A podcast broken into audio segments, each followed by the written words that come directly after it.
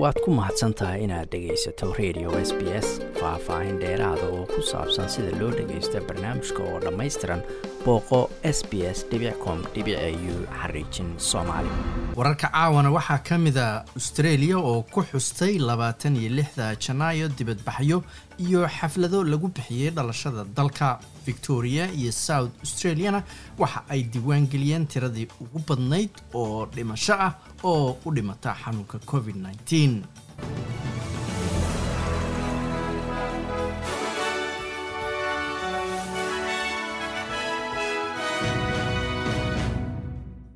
kumanaan qof ayaa ka qayb galay dibadbaxyada maalinta loo bixiyey maalintii duulaanka oo ka dhacay magaalooyinka waaweyn ee dalka oo dhan iyadoo xafladaha qaarkood dhanka internetka loo bedelay faafka covid -19 awgiis. Labaatan iyo lixda janaayo ayaa lagu xusaa markii doonidii ugu horeysay ay kun iyo toddoba boqol sideetan iyo sideedii ka soo degtay sydney cove taasoo ahayd bilowgii gumaysigii iyo barakicintii shacabka aboriginalka iyo tourist straight islandarka. Dibadbaxayaasha ayaa isugu yimid safaaradda teendhada ee kambara oo lafteedu xusaysa konton guuradeedii ka soo wareegatay markii halkaasi laga aasaasay. Iyadoo dibadbaxyo kalena lagu qabtay magaalooyinka sydney brisbane adelaide iyo magaalada perth rodney gibbons oo ka tirsan dadka u ololeeya aboriginalka tasmania ayaa sheegay inay tahay inaan fasaxan qaran lagu aadin labaatan iyo lixda janaayo maadaama buu yiri ayna xasuusinayso duulaankii arxandarrada ahaa ee shacabka dalka loogu yimid lagu sameeyey.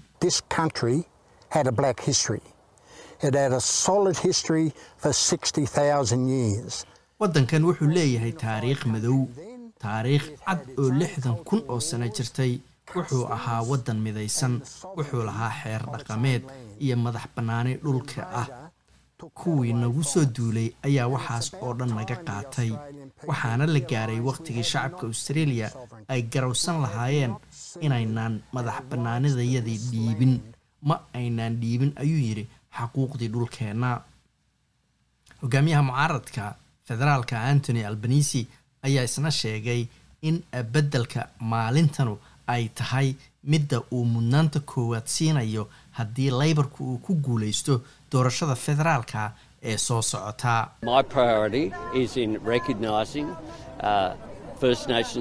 mudnaantayda koowaad waa inaan ku aqoonsanno shacabkeenna koowaad dastuurkeenna. taas ayaa ii ah midda aan mudnaanta koowaad siinayo. waxaan doonayaa inaan ummadda mideeyo waa lagama maarmaan inaannu ka wada hadli karno mustaqbalka iyo halka dalkeennu u socdo.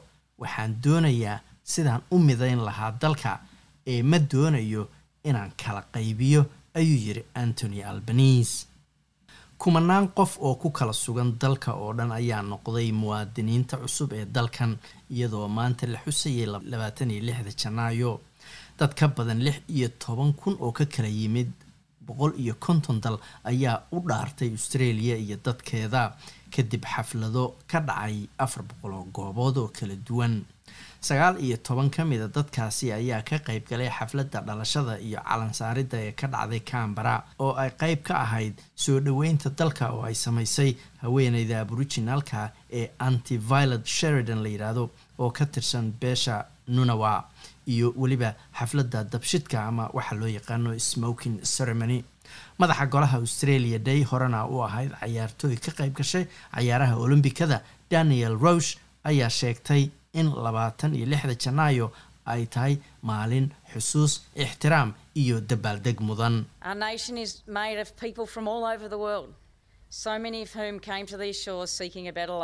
Waddankeenu wuxuu ka kooban yahay dad ka kala yimid adduunka oo dhan oo qaar badan oo ka mid a ay xeebaheenna u yimaadeen iyagoo raadinaya nolol fiican iyo mustaqbal fiican oo caruurtoodu ay helaan dadkaasi waxay jabtarkooda ku qoreen ayay tiri sheekada australia.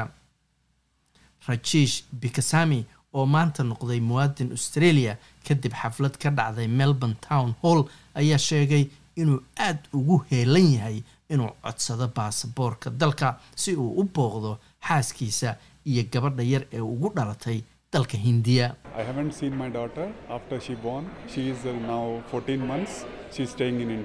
weli gabadhayda ma aan arag sidii ay u dhalatay. Hadda waxay jirtaa afar iyo toban bilood waxay joogtaa hindiya marka aad baan ugu xiise qabaa inaan noqdo oo arko. Hadday bilowday inay socoto.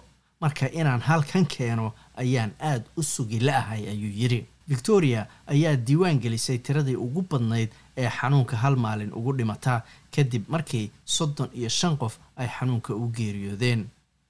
Saddex iyo toban kun iyo shan boqol iyo toddoba kays oo cusub ayaa sidoo kale laga helay gobolka taasoo tirada guud ee dadka hadda caabuqa qaba ee gobolka ku sugan gaarsiinaysa boqol iyo soddon iyo sagaal kun shan boqol iyo lixdan iyo labo.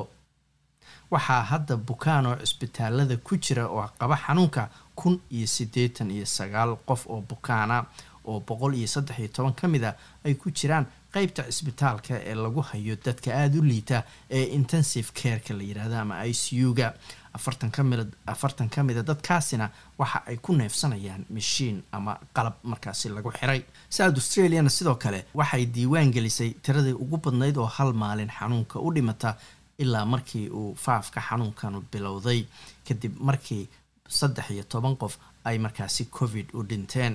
Toddoba ka mida dadkaasi ayaa la diiwaan geliyay labaatan iyo afartii saacadood oo u dambeysay halka xarun dadka waayeelka lagu hayo laga ogaaday in lix qofo ay waqti aan la cayimin ay horey ugu geeriyoodeen. Tan ayaa imanaysa kadib markii gobolka laga diiwaan geliyey laba kun iyo afar boqol iyo kow kays oo cusub taasoo wax yar ka koreysa tiradii shalay oo talaado ahayd laga helay laakiin waxay ka hooseysaa tirada ama celceliska toddobaadka. Laba boqol iyo siddeetan iyo siddeed bukaan ayaa cisbitaalada ugu jira waa south australia caabuqan awgiis taasoo hal qof ka badan tii hore iyadoo labaatan iyo lix qof ay ku jiraan qeybta cisbitaalada ee xaaladda dadka liita lagu hayo iyadoo afar ka mid a dadkaasi ay mashiin ku neefsanayaan.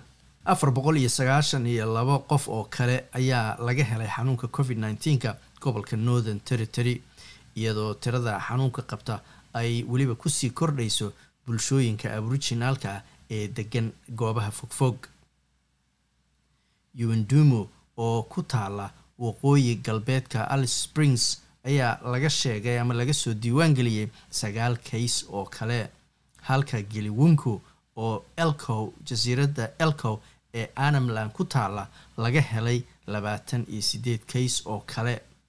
Tiradaas guud oo xanuunka goobahaasi ka dilaacay ayaa hadda gaartay boqol iyo afartan iyo sideed central land council ayaa ku baaqaya in si deg dega xanibaada loogu soo rogo goobaha fogfog ee bulshooyinka aboriginaalku ay degan yihiin si loo badbaadiyo nolosha dadkaasi iyadoo la sheegayo in xaaladda xanuunkaasi ay hadda faraha ka baxayso waa faafka covid nneteen k laakiin maamulayaasha ama howlwadeennada ayaa sheegay in tallaabooyinka dhanka caafimaadka dadweynaha loo qaaday ee lagu xakameynayo faafka xanuunkan ay yihiin kuwo shaqeynaya w a na waa west australia labaatan iyo afar qof ayaa xanuunka laga helay. Maamulayaasha ayaa sheegaya in sagaal ka mida kaysaskaasi lala xiriirinayo xanuunka oo ka hore uga dilaacay meesha la yidhaahda banderbury oo ku taala koonfur galbeedka gobolka taasoo tirada guud ee dadka xanuunka qaba hadda ka dhigaysa lix iyo toban qof. Shan iyo toban kays oo kale ayaa sidoo kale laga soo warinayaa in laga helay magaalo weynta perth. Wararka dibaddana madaxweynaha mareykanka joe biden ayaa sheegay inuu ka fiirsanayo ama ka fakarayo cunaqabatayn shaqsiyan la saaro madaxweynaha ruushka valadimir putin. Haddii uu weerar ku qaado dalka ukraine hanjabaadda cunaqabataynta naadirka ah ayaa imanaysa iyadoo nato markaasi ay digtoonaan gelisay ciidamadeeda sidoo kalena xoojinaysa ciidamada u jooga bariga yurub iyagoo ku daraya maraakiib iyo diyaaradaha dagaalka taasoo looga jawaabayo ruushka oo isaguna ciidamo badan keenay xadka uu la leeyahay ukraine. Ruushiya ayaa iyadu dafirtay inay qorsheynayso weerar ay ku qaada ukraine. Waxay sidoo kale sheegtay in qulquladda hadda jirta ay wadaan nato iyo maraykanku. Dhanka kalena safiirka u jooga ruushka dalkan australia ayaa ku tilmaamay go'aanka ay australia ugala soo baxday shaqaalaheedii diblomaasiyiinteedii safaaradda australia ay ku leeda dalka ukraine. Mid lagu qoslo amaba mid nasiib darro ah. Alexey bavlovski ayaa sheegay in ciidanka la geeyay xadka ukraine aysan ahayn kuwo khatar ku ah cidna ee ay digniin u yihiin uun. Dalkaas maamulayaasha dalkaas waa ukraine inaysan isku dayin inay tallaabo military oo aysan ka fiirsan ay qaadaan. Saadaasha hawada magaalada melbourne xoogaa roobabaa la filayaa iyo weliba dabaylo waqtiga dambe galbihii laga yaabay inay yimaadaan soddon iyo afar bayse gaaraysaa. Magaalada sydney qayb ahaan daruur labaatan iyo sideed digrii ayayna gaaraysaa. Halka australian dollar waxaa lagu sarifayay maanta toddobaatan iyo laba senti oo lacagta maraykanka ah. Waad ku mahadsantahay inaad dhegaysato raadiyaha s b s. Toos u dhegaysa barnaamijka habeenada arbacada iyo jimcada tobanka fiidnimo.